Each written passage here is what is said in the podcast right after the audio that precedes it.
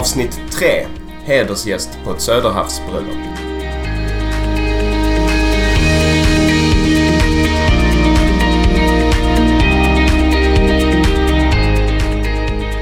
Okej. Spänn fast säkerhetsbältena, poppa popcornen. Nu är det dags igen. Ja, nu är det dags för avsnitt nummer tre om eh, Kiribas. Det var ju ett av dina mest lästa inlägg i din resedagbok. Ja, det stämmer utmärkt. Det är ganska spektakulärt faktiskt. Vem åker på Söderhavsresa att gå på bröllop, dansa med brudens mor och hålla tal? Ja, det är nog inte så många som får det, nej. Nej, så det är någonting vi ska höra lite mer om idag.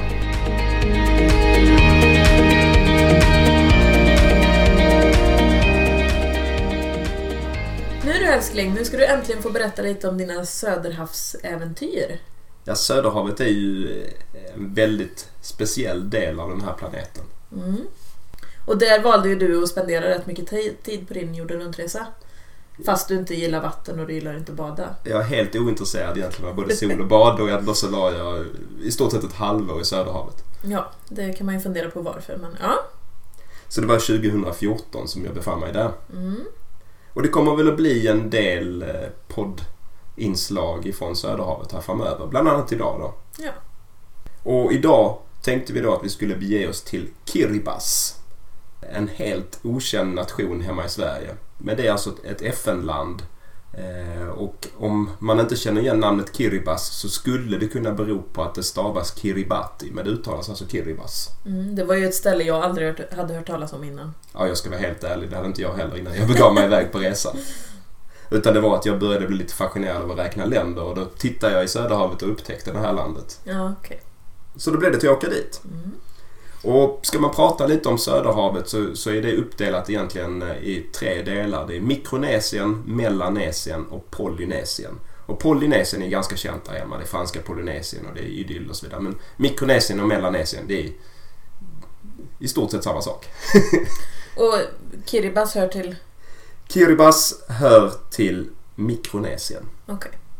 Och Kiribati består då av en korallö och 32 korallatoller. Det är ett jättelikt land. Det är alltså 11 gånger Sveriges yta om du tar med vattenytan. Det är Jaha, det är så stort. Jag trodde du skojade. Ja. Nej, nej, det är 11 Okej. gånger så stort som Sverige. Men, och det här är det sjuka, att du, om du bara ska ta landmassan så är det halva Ölands storlek. Okej, det makes more sense. Mm. Och då kan du föreställa dig också att på halva Ölands storlek så bor 100 000 människor. Oj. Ja. Så då kan man förstå att det är liksom hög befolkningsdensitet. Du måste nästan bege dig till typ Hongkong för att upp, uppleva något liknande. Mm. Och det tänker man ju inte riktigt på en söderhavsö liksom. Utan man tänker att det ska vara rätt så här lugnt och skönt och inte så mycket folk typ. Ja, men eh, det är ju något totalt annat på då huvudön, alltså den stora jättelika atollen som heter Tarawa som också då är huvudstaden. Eh, där bor alltså ungefär 50 000 av de 100 000 invånarna på en jätteliten yta. Okej, så det är mer där det är lite kaos då. Det kan man väl säga. Mm. Eh, Kiribati är då utspritt i tre delar. Det är Gilbertöarna där Tarawa ligger och sen är det Linjöarna och Phoenixöarna. Eh, och på Linjöarna finns då den ganska så kända Julön och dit går det en del charters från eh, Hawaii faktiskt. Eh, och sen så har du Phoenixöarna som är världsarvslistat och där bor 40 människor och det är nästan ingen som någonsin tar sig dit. Och där var inte du fast är ett världsarv. Nej, det är sant. Jag försökte Oj, oj, oj. faktiskt att ta mig dit men det var väldigt svårt. Var det dit du skulle åka med det fraktfartyget? Nej, det var det inte. Men eh, ja, jag drömde om att ta mig dit men det var helt omöjligt i stort sett. Mm. Men nu har jag faktiskt en kontakt som skulle kunna hjälpa oss dit. Är det så? Ja, det har jag faktiskt. Nästan ingen har ju någonsin hört talas om Kiribati. Men eh, okej, säger någon då. Eh, men vad är Kiribati känt för? Någonting måste det ändå vara känt för. Och då får man ju anstränga sig lite och kan faktiskt hitta ett par eh, grejer som landet är känt för. Eh, dels är det ju tillsammans med den andra lilla önationen Tuvalu, de här länderna som håller på att sjunka under vattenytan. Det pratas om att den globala uppvärmningen äter upp de här länderna. Och det är ju Mm. lite läskigt. Ja, det är det. Och det kommer vi faktiskt prata mer om i det här avsnittet. Mm. Sen så har de ju en flagga som är väldigt speciell. Det är som soluppgång mot en röd himmel. Och den tror jag att alla flaggälskare någon gång har lagt märke till men man har ingen aning om vilket land den tillhör. Och sen hade de ju sina Five Seconds of Fame. Okej, var vad alltså- var det då? Ja, alltså det här är ju det land som ligger allra längst österut i världen. Vilket innebar att vid millennieskiftet så var det de som gick in i det nya millenniet först. Ooh. Så det var ju rätt många tv-bolag och liknande som var på plats och följde. Mm. Och det här hade ju lett till, alltså man flyttade ju delar av landet till den sidan av datumgränsen. För innan låg de liksom på olika dagar. Eh, vilket är lite sjukt. Men man flyttade hela landet så att man skulle möta den nya dagen först. Ja. Vilket då gjorde grannationen Tonga vansinnigt. För de skulle ju varit först annars. Så det blev nästan en konflikt där. ja, har man inget att bråka om så fixar man det. Jag kan ju säga som har varit på Tonga att de är fortfarande grymt bittra så, eh, över detta. Så nämner man Kiribati så, så får de ju något mörkt i blicken. Ja. Eh, vem är detta för då? Söderhavsöarna liksom? Vem, eller just Kiribati, vem åker dit? Jag vet ju inte riktigt vilken kategori jag ska lägga mig i men jag skulle nog säga att jag är en söderhavsentusiast. Ja, det får man väl ja. säga efter ett halvår i Söderhavet. Och det är ju söderhavsentusiaster som till sist letar sig dit. Mm. Eh, Men man kan också, det är därför jag sa att det finns ju olika kategorier. Det finns också sådana här förlorade själar som dyker upp på de här konstiga önationerna. Människor som liksom inte riktigt får plats någon annanstans. Mm. Eh, Original av olika slag. Eh, Och det kanske är de man också skulle kategorisera sig in bland. Jag Ja, du inte. kanske ska ta dig en funderare på vilken kategori du hör till. Ja, men då är det kanske ändå kategori tre då. Det är landsräknarna. De som vill besöka alla världens FN-länder. Och då måste man ju till Kiribati. Det är sant. Där hamnar ju faktiskt du. Sen kan det då också tänkas vara de som är riktiga andra världskrigsentusiaster som, som eh, vill bege sig dit. För det var ju ett av de blodigaste slagen under hela andra världskriget. Det ägde ju rum på Tarawa. Mhm, okej. Så det var, eh, det var rätt dramatiskt och det finns en hel del lämningar därifrån också. Så det är lite intressant. Mm. Och hur tar man sig dit då? Ja, eh, det är ju inte så himla lätt att ta sig dit och det är ju ruggigt dyrt också. Om du tänker dig att åka bara till Kiribati så är det nog inte någonting man ska rekommendera. Utan råkar det vara regionen kan du fundera på saken. Mm. Det går alltså till Tarawa som ändå är huvudstaden så går det tre och ett halvt flyg i veckan. Oj. Och det är ju en av jordens tio minst besökta nationer. Men tre och ett halvt flyg i veckan till huvudstaden, alltså huvudstadsatollen. Det är alltså två flyg från Fiji som är huvudhubben i Söderhavet. Och sen så varannan vecka så går det eh, ett flyg från Marshallöarna och en gång i veckan går det ett flyg från Nauru. Mm. När eh, ska man åka dit? Det finns ju ingenting som landet är direkt känt för eller någonting i den stilen som gör att man måste dit just då och då. Så jag skulle vilja rekommendera att man åker dit när jag gjorde det. Det vill säga under eh, firandet av självständighetsdagen. Som man inte tar särskilt lätt på för i själva verket så är det en självständighetsvecka. Så man är lediga en hel vecka och gör absolut ingenting mer än fest, eh, syssla med festligheter. Åh, vad gött. Så skulle vi ha här. Det är ju precis vart 6 juni här. Det kunde varit ledigt hela den här veckan. Ja, exakt. Eh, Men där är man så lediga en hel vecka bara för att fira den här självständigheten. Det är ju lite speciellt. Och det hade jag ingen aning om när jag åkte dit. 11 juli är det för övrigt som är egentliga självständighetsdagen. Men sen så Mm. anpassar man då veckan så att högtidligheterna, de allra främsta högtidligheterna är ju till helgen Ja. i den veckan. Mm. Hur är det vädermässigt då? Är det liksom samma året runt typ eller är det olika säsonger eller hur ser det ut? I hela Söderhavet gäller ju egentligen att du har en regnperiod med orkansäsong ungefär november-december fram till mars, början av april och då ska man verkligen inte vistas i den regionen. Det är inget kul alls. Nej. Men därutöver så är det typ samma temperatur och väderlek hela tiden så att eh, resten av året duger gott. Mm. Eh, ägnar du dig åt några speciella förberedelser innan du åkte eller? Nu var ju du i och för sig ute ett helt år så det är ju lite annorlunda när man åker direkt hemifrån. Men... Jag hade bokat ett boende. Det rekommenderar jag verkligen att man ska göra. Det finns inte jättemånga boenden. Det är ganska dåligt internet på ön också. Man vet inte när man kollar sina bokningar. Att komma till ön är ju också en upplevelse i sig. För det finns ju inte en taxibil vid flygplatsen eller någonting i den stilen. Okej. Så att du tar dig ju inte från flygplatsen om du inte har någon som hjälper dig. Om du inte liftar. Nej, okej. Så därför är det väldigt bra att ha en bokning och någon som hämtar upp en. Mm. Så någon airport pickup typ liksom behöver man ha då? Ja, det tycker jag. Det är väl den förberedelsen man behöver ägna sig åt. Sen ska man veta då att det här är ju gästfrihetens land nummer ett av alla länder jag har varit i. Okej, Folk hjälper en om man inte kommer rätt eller om man har bekymmer. härligt. Ja, jag anlände ju till Kiribati med ett av de här få flygen som kommer då i veckan. Och eh, det var en extrem uppståndelse när man landade på ön. Det var barn precis överallt och då fattar man att okej, det finns inte så mycket annat att göra på den här ön mer än att producera barn egentligen. Och alla är och tittar när flygen kommer? Ja, i stort sett kändes det som att hela ön var på plats och pekade och visslade och hade sig. Och hon fick ju syn på mig och jag var ju någonting helt unikt. Jag var ju turist och det fattade de för det hade de ju hört talas om. Det hände ju att det kom turister men det var ju otroligt ovanligt. Mm. Jag var ju på den här ön ett antal dagar. På hela tiden så träffade jag alltså tre turister. Och det var ju ändå i huvudstaden. Jag rörde mig runt och ja, ett par och en eh, annan person. Mm. Det är helt otroligt egentligen. Det man möts av eh, när man landar är ju en, en vägg av värme egentligen. Det är som att komma in i en bastu. Det är, det är inte särskilt varmt men det är en extrem luftfuktighet. Helt galet. Okej. Jag eh, begav mig ut på en löprunda vid ett tillfälle som jag hade anmält mig till ett maraton i Australien och tänkte jag skulle träna. Och jag höll på att kapsejsa fullständigt. Ja, alltså just den här när det är så hög eh, luftfuktighet. Det är ju inte speciellt behaglig värme utan det blir ju rätt jobbig värme. Är riktigt eh, obehagligt och man svettas ju som en gris. Det är inte alls särskilt trevligt. Nej. Jag hade ju bokat boende.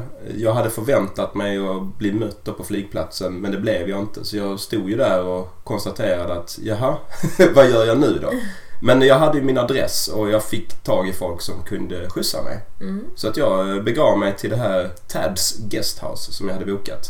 Okej. Och när jag kom dit så hade de ingen aning om att jag hade bokat boendet. Såklart. Nej, Hade alltså du bokat långt i förväg eller? Nej, jag var inte ute i särskilt god tid. Men de hade ju... De sa att deras bokningstjänst levde ett eget liv. Men i själva verket tror jag inte att de hade kollat mejlen. Liksom. Nej, säkert inte. Det här är Söderhavet där allting har sin lilla enkla gång. Mm. Men eh, eftersom det boendet som jag hade bokat och dessutom inte fanns för det var under renovering, eh, vilket också är fascinerande, så blev jag ju uppgraderad och fick ett jättefint eh, med Kiribas förhållande boende. Så du hamnade på något helt annat ställe än Teds Guesthouse då eller? Nej, jag var på Tads Guesthouse men jag fick det finaste rummet de Okej. hade. Mm. Och där stod ju dessutom modemet. Så att jag skulle ju då ha, trodde jag, en hygglig uppkoppling men det hade jag inte. Den var ju fruktansvärt usel. Mm. Och det minns kanske du. Eh, vi hade ju blivit ett par men vi hade ju lång distans till varandra. Och, Ja, det var ju alltså under den här perioden när vi hade svårt att, att ha kontakt är ju egentligen enda gången som det har varit lite svajigt för oss. ja, det var riktigt jobbigt. Mm. Och om jag tycker det jobbigt så, eller tyckte det var jobbigt så är det nog ingenting mot vad du tyckte som satt där hemma. Och, medan jag levde livet liksom. Ja men precis. Mm. Du, du hade ju annat att distrahera dig med liksom. Om man säger så. Ja, vackra söderhavskvinnor Ja, såklart. nu kommer det fram.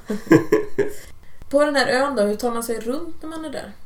Ja, eh, det här är ju alltså en gigantisk atoll. Eh, Och för den som aldrig har varit på en atoll så är det kanske ett ord man har hört men har ingen aning vad det är egentligen.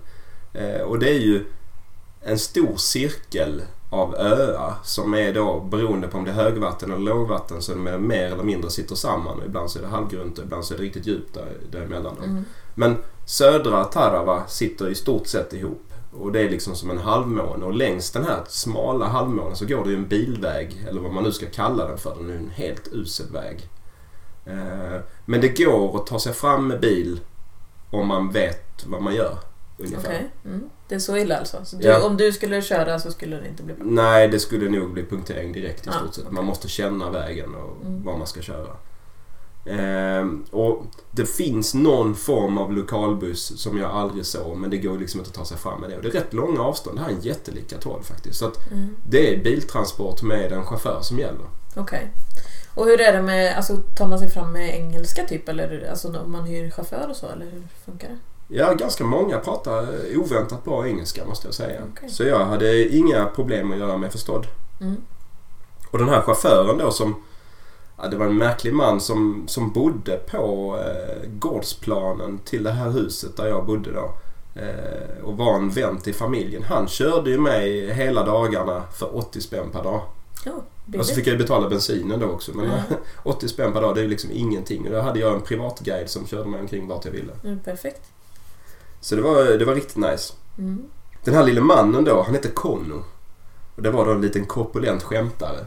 Men ju mer man lärde känna honom så, så började man inse att det fanns ju något riktigt sorgligt i hans bakgrund. Och jag nystade ju fram där att han hade tvingas avbryta sina bibelstudier. Han skulle bli pastor. Och han hade ett tidigare förhållande där han hade tvingats skilja sig vilket var något väldigt ovanligt på den här ön. Det var mycket sådana sorgliga historier. Men sen nystade jag också fram att han hade en ny romance på gång. Så så att vi blev väldigt tajta för jag säga. Vi reste ju runt där i många dagar fram och tillbaka på den här ön. Och det tog ju, man körde ju 10 km i timmen. Man kom ju ingenstans. Det var så usel väg. Gud vad frustrerande. Ja, det var verkligen eh, någonting helt annorlunda. Mm. Och han var ju jättestolt över att ha mig i bilen. Jag var ju en utlänning som han kände så han skulle köra in överallt och visa upp mig för sina vänner. Och då tar det ju ännu längre tid såklart att ta sig runt. Ja, men du ska ju också veta att det finns ju inte så mycket att göra på den här ön. Nej. Så, Nej, och så blir det ett möte med lokalbefolkningen på ett annat sätt också. ja. Mm.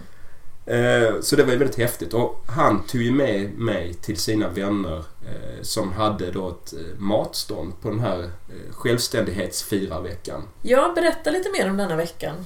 Ja, det var ju det var en fantastisk upplevelse egentligen. Det var ju taffligt och roligt och mysigt samtidigt. Liksom. Det, var, det var en massa matstånd och sen så var det då olika happenings på den här nationalarenan. Mm.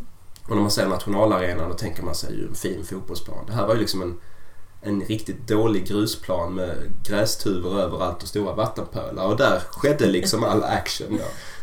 Det var presidenten som skulle hålla tal eh, på en tid när ingen visste riktigt och jag missade det för att jag stod och pratade med någon annan och det fanns liksom ingen agenda. Nej. Eh, det var en skönhetstävling som jag då, Miss Kiribati, som jag gärna hade sett. Men jag fick åka hem klockan 10 på kvällen för det hade inte börjat än. Så fick jag reda på att den varar ju, den börjar ju inte från halv tre eller något sånt här på natten. Då hade de fått igång den. Åh, missar du alla snygga tjejer? Ja, det var ju lite synd. Och så var det ju, ja de hade ju hela festivalveckan avslutades med en fantastisk parad. Mm. Eh, Där, där man då liksom lastade ut allt vad man hade. Alla småbarn i fula hattar och det var eh, kyrkan och det var marinen och det var polisen och man gick där i parad till dålig orkestermusik och bland vattenpölarna. Det var Det ju- låter ju underbart ju. Ja, fantastiskt firande. Sen var det ju också otroligt stort med idrott på Kiribati. Jag fick ju under den här veckan var det ju många stora mästerskap. Det var ju bland annat Kiribas eh, basketmästerskapen där jag följde semifinalen. Oj, oj, oj. Ja, och eh, där var ju eh, turism och kommunikationsministern på plats och hon var ju jättehet på att prata med mig. Så att jag fick ju sitta och bli intervjuad av henne om hur hade jag tagit mig dit? Hur hade jag fått reda på någonting om det här landet och vad kunde man förbättra? Så vi hade ett jättelångt samtal. Ja, om det inte är så vanligt med turister så kan vi ju undra också varför de ens har någon som är Ja. turi- Vad sa du att hon var?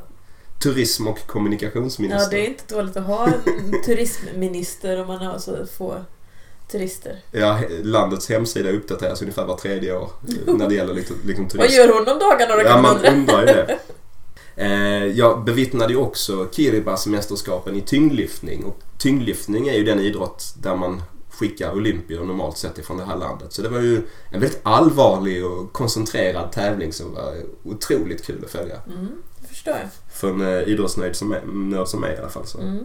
Under de här dagarna, så utöver att jag hängde mycket på den här eh, självständighetsfestivalen då, så åkte jag ju runt en massa med Kono. Mm. Och allt land såg likadant ut. Det var extremt platt. Okej. Du har kanske en, två meters höjd där det är som högst höjd överhuvudtaget i landet. Det är Liksom. som Skåne ungefär då? ja, det är ganska mycket plattare måste jag säga. Eh, havet är alldeles turkost eh, och det ser väldigt inbjudande ut. Men vet man hur man hanterar sina avloppssystem och liknande så har man inte den minsta lust att, att bada Oh, där. fy. Nej, Utan då får man bege sig längre ut till andra mer avlägsna öar. Mm. Men det ser otroligt vackert ut. Och så är det palmer och platt och sand. Mm. Och, och ingenting mer i övrigt.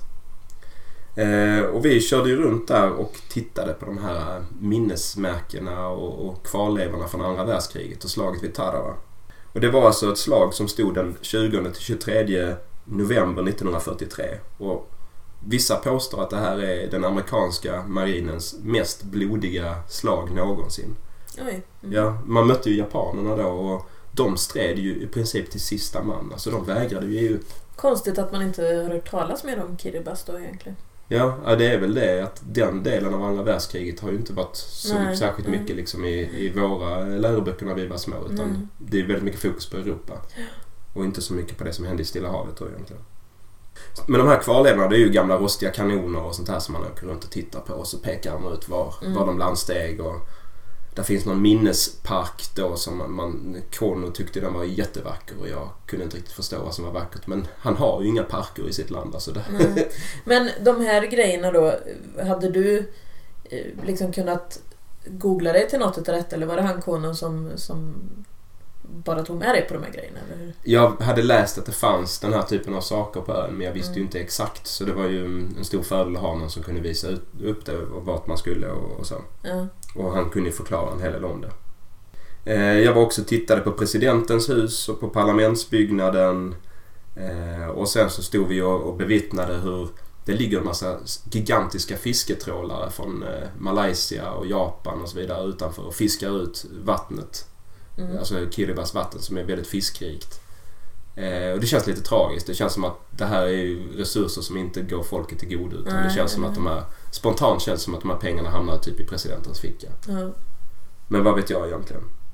Och sen så var jag uppe då i norra Tarawa och reste omkring och där eh, var ju, det var inte samma befolkningstäthet och eh, lite lugnare tempo och ja, mer de här gamla, gamla klassiska byggnaderna hur det hade sett ut, sett ut innan det blev överbefolkat. Det var Mm, väldigt mm. eh, mysigt och lugnt där Men det, det bodde fortfarande folk där Det bodde absolut Ja. folk där i små byar och så. Och de, eh, de få turister som kommer till Tarawa brukar normalt sett bo där uppe i någon Okej. enklare bungalow. Eh, Och det var faktiskt där uppe jag mötte en turist som hade fått punktering med sitt fordon också. Jaha, så du sprang på en turist i alla fall? Det var inte Ja, en där och sen så var det ett par då på självständighetsfirandet. Mm, Det, var, det var de jag mötte. Ja. Det mest märkliga eller läskiga som jag upplevde under de här dagarna var ju en plats där det är utanför ett hål i korallrevet som leder in till atollen då. Mm. Eh, och därifrån så forsar liksom vattnet in mot ön. Och det är bara två decimeter kvar tills att vågorna sköljer in över hela ön ifrån det här hålet. Och när jag liksom stod där och tittade bara insåg att shit, nu är det ju snart kört för det här landet. Alltså, det var så på riktigt. Och så Oj. sa jag två decimeter sa jag till Konno. Ja. sa han yes, yes, yes. When I was young we said two meters. Oj. Och jag vet inte vad man tror och tänker om den globala uppvärmningen. Men det är ju helt klart så att eh, det här landet ligger inte lika högt som det en gång gjorde. Och nu skissar man ju på olika evakueringsplaner. Som Australien säger att de vill inte ta emot folket. Så man funderar på att bygga någon konstgjord plattform någonstans. Eller, alltså, Okej. eller om Fiji, om man kan köpa en ö av Fiji och skicka dit folk. Eller vad man ska göra för det är kris snart. Alltså det där känns ju så konstigt för en annan liksom att, att ett land bara ska försvinna liksom. Ja, Mm. det är helt otroligt. Sen om det beror på mänskliga ingrepp eller vad det beror på. Ja, om det mm. bara är temperatursvängningar som är normala för jorden. Det är någonting annat, det lägger jag mig inte i. Men faktum är att det här håller på att hända och det är två länder som håller på att gå under. Mm. Och nu har jag sett det med egna ögon, jag vet att det händer. Men du kan du inte berätta lite mer om det här bröllopet då som du blev bjuden på? Ja, Hur det, blev du bjuden och varför?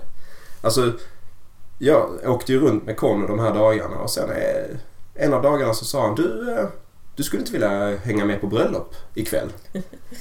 och så sa jag det här låter som någonting som jag absolut inte kan missa.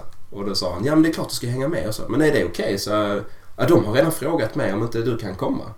Okej. Ja, ja men då, då gör jag ju gärna det sa jag. Så han kom och hämtade mig några timmar senare då. Ja. Och då hade ju den här lille mannen hade klätt upp sig då i extremt blankpolerade skor och ett par chinos och så hade han en hawaiiskjorta såklart. Såklart. Vad hade du på dig då? Du hade väl inte med dig några finkläder kanske eller? Nej, jag ägde väl inte så mycket som det. Jag hade en ljus skjorta men sen så var jag ju klädd i ett par slitna rutiga shorts och ett par badskor. Åh, Så fin går jag på- dagen till ära. så går jag på, på bröllop. Och så kommer vi då dit till den här eh, lokalen när vi har kört en bit. Då. Och det är inte en lokal egentligen, det är ett tak. Men det är ju öppet i alla sidorna. Mm, mm. Och där har man ställt upp tre stolsrader med plaststolar kan man säga som, som står på långsidan. Och jag sätter mig ju längst bak där och ska hålla en, en undanskymd- profil. l- låg profil, undanskymd roll. Så blev det inte den här kvällen då. Jag fick en bänkgranne Mm. som hette Tekana. Och det började jag jubla av. Man kan inte heta tekanna. Jag var Mr Teapot liksom. Stackars honom. Ja. Men det, det visade sig ju att han var en otroligt trevlig man som var väldigt duktig på engelska. Mm. Så han och jag fann ju varandra här då, jag och Mr Teapot. Eh, och han började ju berätta allting runt ceremonierna och, och det ena med det tredje. Och han var ju då eh, brudens bästa kompis far. Eh, och hade varit som en andra far för bruden Mm. när, när hon var liten. Så att hon var en väldigt viktig person för honom. Ja. Och han satt längst bak. Ja, han satt längst bak tillsammans med mig i början. Aha. Men sen dyker de ju då upp och bara säger nej, nej, nej. Ni två är hedersgäster. Ni ska sitta längst fram i mitten. Så vi får flyttas ju fram längst fram i mitten. Och sen dröjde det inte länge till innan de kom fram och sa ja, du vet väl att när du är hedersgäst så måste du hålla tal. Oj, oj, oj. Och det var ju 120 gäster på det här bröllopet så då började jag bli nervös.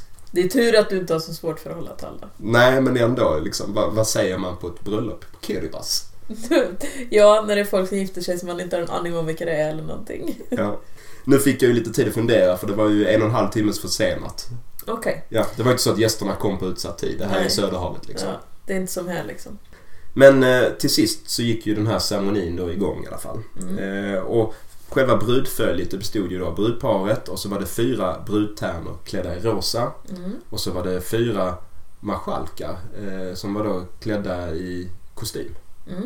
Bruden bytte klänning tre gånger under själva ceremonin. Oj. Och den ena dressen var ju mer glitterfylld än den andra. Det var ju inget som man skulle tagit på sig hemma vid och det var väldigt färgstarkt. Ceremonin hann ju knappt börja innan eh, de började putta på mig tyckte att jag skulle fram och hålla tal. Det var det ingen annan som hade hållit talen. Så då skulle jag ju upp före brudens far och före absolut alla. Ingen Men- press, ingen press. Jag bara, nej, nej, nej, det där gör jag inte. Jag tar det senare, men jag lovar, jag håller tal. Så du, du behövde inte gå först? Nej, jag fick Nej. faktiskt vänta och det var ju, det var ju lite skönt det.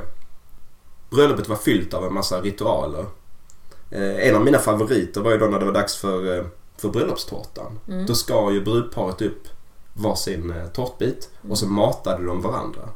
Och det var ju då för att de skulle liksom stärka banden sinsemellan. Ja. Och när den här ceremonin då med, med bröllopstårtan var över, då kom jag inte undan längre. För då ropades mitt namn ut. Richard, Richard. Och det var inte från vem som helst. För det hade ju visat sig då, det hade jag ju ingen aning om, att det var Ikono som var toastmaster på bröllopet också. Så han stod ju där i sina blankpolerade skor och, och skötte allting i sin hawaiiskjorta liksom. Men så på grund av honom så förstod, alltså han pratar ju engelska så, så på grund av honom kunde du följa med lite? Eller var det, eller var det han tekannan som, som hjälpte dig med översättning? Eller? Ja, det var Mr Teapot, Ja, eh, det. tekanna, Mm. som, som hjälpte mig med översättningen. Mm. Så han följde med mig upp på scenen då när det var dags att hålla tal. Okej, för att översätta, vara översättare eller tolk. Ja, så han var tolk och jag sa några meningar och sen så tolkade han en textslinga som var tre gånger så lång. Jag vet inte vad han sa men det måste varit väldigt mycket mer än vad jag sa i alla fall. Men kanske därför du fick så bra tal. Ja, det blev Han la otroligt, till en massa grejer som han tyckte skulle vara med. alltså det blev otroligt lyckat. Jag pratade först om, eh, om mig själv och min resa eh, och berättade lite om Sverige och sa att här är det ju 30 grader varmt och hemma i Sverige är det inte ovanligt att det är 30 grader kallt. Och då bara hör man alla oh, Ja, så kommer det rök ur mun och, och näsa. Oh, hörde man ju alla liksom eh, blev chockade. Och sen så gick jag över väldigt listigt, om jag får säga det själv, till att uttrycka min avundsjuka. Eh, vilket var en väldigt dålig vit lö- lögn då, för bruden var inte så vacker. Men jag uttryckte min avundsjuka över att, att eh, man skulle få gift, någon skulle få gifta sig med den här bruden då. Och sen så fortsatte jag på det temat med vackra kvinnor och sa att jag har ju rest runt hela jorden nu här och jag har ju sällan sett, jag tror aldrig jag har sett så vackra kvinnor som här. Oj, oj, oj, då charmar du dem. Alltså det blir ju världens ljud. Tror jag det. Eh, och sen så avslutar jag med att ge eh, ett gott råd då till eh, paret och det var att man alltid skulle finna tillfällen att skratta tillsammans. Mm. Men när jag gick tillbaka efter talet så var det liksom stående ovationer och folk ropade Sweden, Sweden. Så då hade jag ju tappat hela min, eh, min låga profil. Innan var det ju knappt att det var pliktskyldiga applåder på de andra talarna. Så det här var ju liksom hittills bröllopets största händelse. Fatta vad de... Alltså de kommer ju prata om det hela sitt liv liksom. Att vi hade en svensk kille som hedersgäst på vårt bröllop. Liksom. Ja, ja, verkligen helt sjukt. Mm. Men det var inte slut med det. Direkt efter eh, mitt tal i stort så, så startade man ju då dansen och det var ju ingen brudvals eller sånt där. Och i första dansen, knappt hade brudparet börjat dansa förrän jag har en tärna som står framför mig och bjuder upp mig. Och det här vill jag höra om, dansen liksom. Du på dansgolvet. Ja, så det var vi kanske fyra, fem, nej, fyra tärnor som hade bjudit upp varsin. Var det här mer som en tryckare eller var det liksom... Nej, det var att stå och shakea på Oh. golvet. Rickard, herregud. Och då ska du ju veta att det här är spiknyktert. Det fanns ju ingen alkohol på det här bröllopet. Jag har ju sett dig dansa förr så att jag, jag har rätt att skratta. Det blir ännu värre. För det var ju då brudparet och, och vi fyra par då som dansade. Eh, och sen nästa dans när jag satt mig ner och började pusta så hör, känner jag honom knacka mig på axeln. Då är det brudens mor som ska dansa med mig.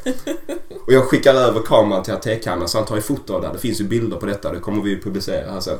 Eh, och då är det alltså bara jag och brudens mor på andra låten som dansar solo i en jättelång dans. Och hela dansen går ungefär ut på att det ska vara rumpskak. Vad synd, alltså han filmar inte eller han bara fotar? Han bara fotade. synd. Men det är ju alltså en helt absurd situation. Hur man står där helt spiknykter och skakar på rumpan liksom. Det glömmer jag aldrig. Men jag har nog aldrig haft så kul heller. Men du, var det inte här det var någonting med parfym också jag för mig du sa? Ja, under den här dansen sen, Med brudens mor alltså? ja, med brudens mor, så rusar ju tärnorna fram och sprutar en massa parfym på mig. Jag fattar ju Okej. först ingenting. Liksom. Vad är det som händer? Luktar jag illa eller vad har jag gjort? så när dansen är över och jag kommer tillbaka och sätter mig bredvid tekannan så förklarar han för mig att det här berodde ju på då att de hade accepterat mig, att de tyckte om mig och att de ville liksom visa sin eh, kärleksförklaring till mig. Trevligt. Så, Så då eh, luktar du parfymfabrik sen då? Ja, i flera dagar.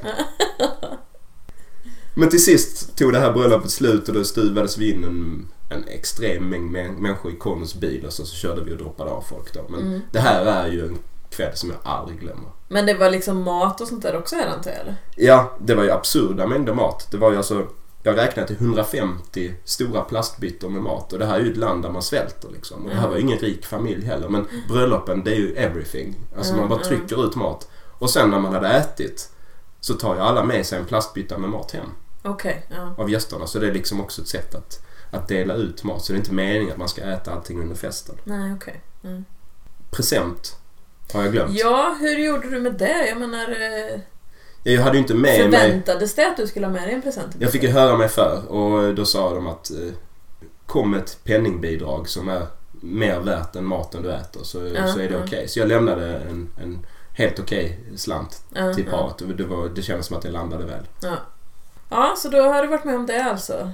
Ja. Bröllop på Kiribati. Mm, och det var ju den bästa maten på ön. I övrigt så åt jag ju i stort sett eh, på Kina restaurang till Petin. Det är ju det säkraste kortet i Söderhavet det är ju att gå på, på Kina restaurang. Ja.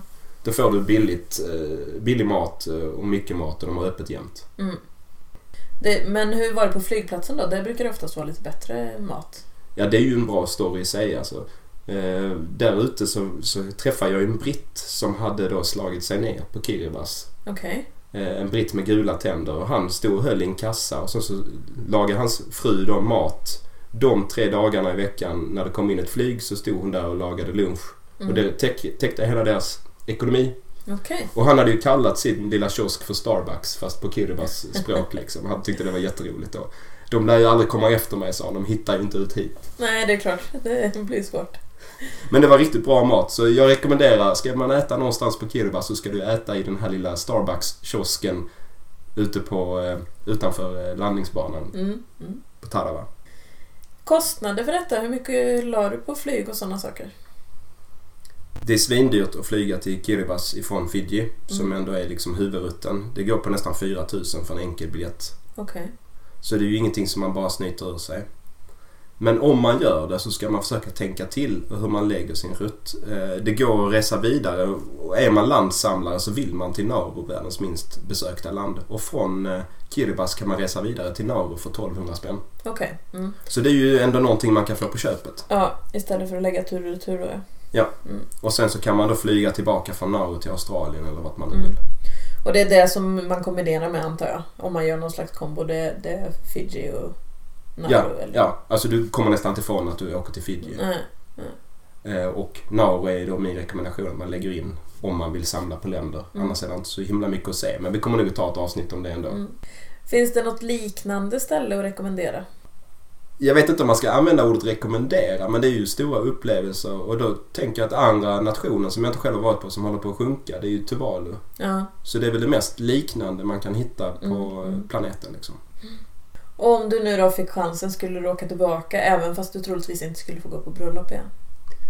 Ja, jag känner mig ju rätt färdig med Gilbertöarna. Jag har ju eh, rest runt på Terra, varit på varenda kvadratmeter som finns av den där ön Mm. i stort sett. Men det finns ju massor med andra öar. Det finns ju två hela ögrupper. Så att till Linjöarna eller Phoenixöarna skulle jag kunna tänka mig åka. Mm. Om du skulle vilja följa med så hade jag... Det är klart jag följer med.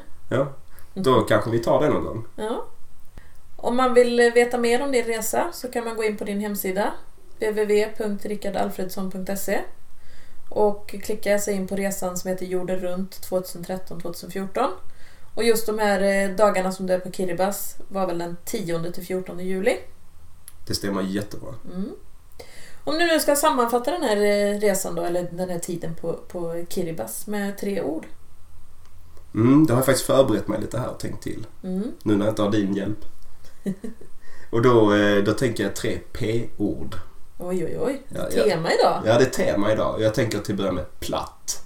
Ja. Det här är ju det mest... Alltså Danmark kan ju slänga sig i väggen alltså. Det här är platt. Det är ju en höjdskillnad på typ en, två meter. Ja. Och sen så... Den souvenir jag fick med mig hem, det var ju, eller i alla fall fick med mig en bra bit vidare på resan, det var ju parfym. Jag doftade ju så det stod härliga till efter det här bröllopet. Så parfym är gjord två. Ja. Och sen så snackar vi Söderhavet. Vad annat kan man säga än palmer? Det var ju palmer Såklart. överallt. Så de tre P'na är då platt, parfym och palmer. Ja, de tre nya pena. Det är de Ja, som det gäller de tre nu. nya. Ja. Det låter väl bra? Mm, då avslutar vi där. Ja, det gör vi.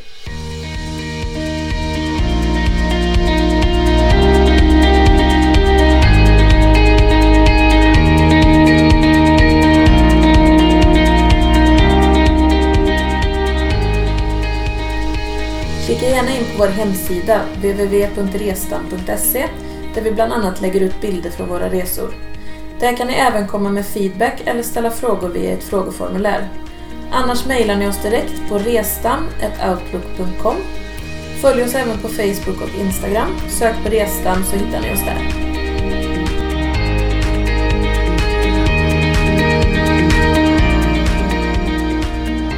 I nästa avsnitt så ska vi byta världsdel igen. Ja, då blir det Afrika och Rwanda. De dimhöljda bergens gorillor. Ja, det är kanske den främsta djurupplevelsen, eller det är den främsta djurupplevelsen vi någonsin har varit med om. Ja, det är det. Och då har vi, ska vi poängtera att vi har inte varit där tillsammans. Utan vi har varit där vid två olika tillfällen. Men båda två har haft en fantastisk upplevelse. Ja, så det får ni absolut inte missa.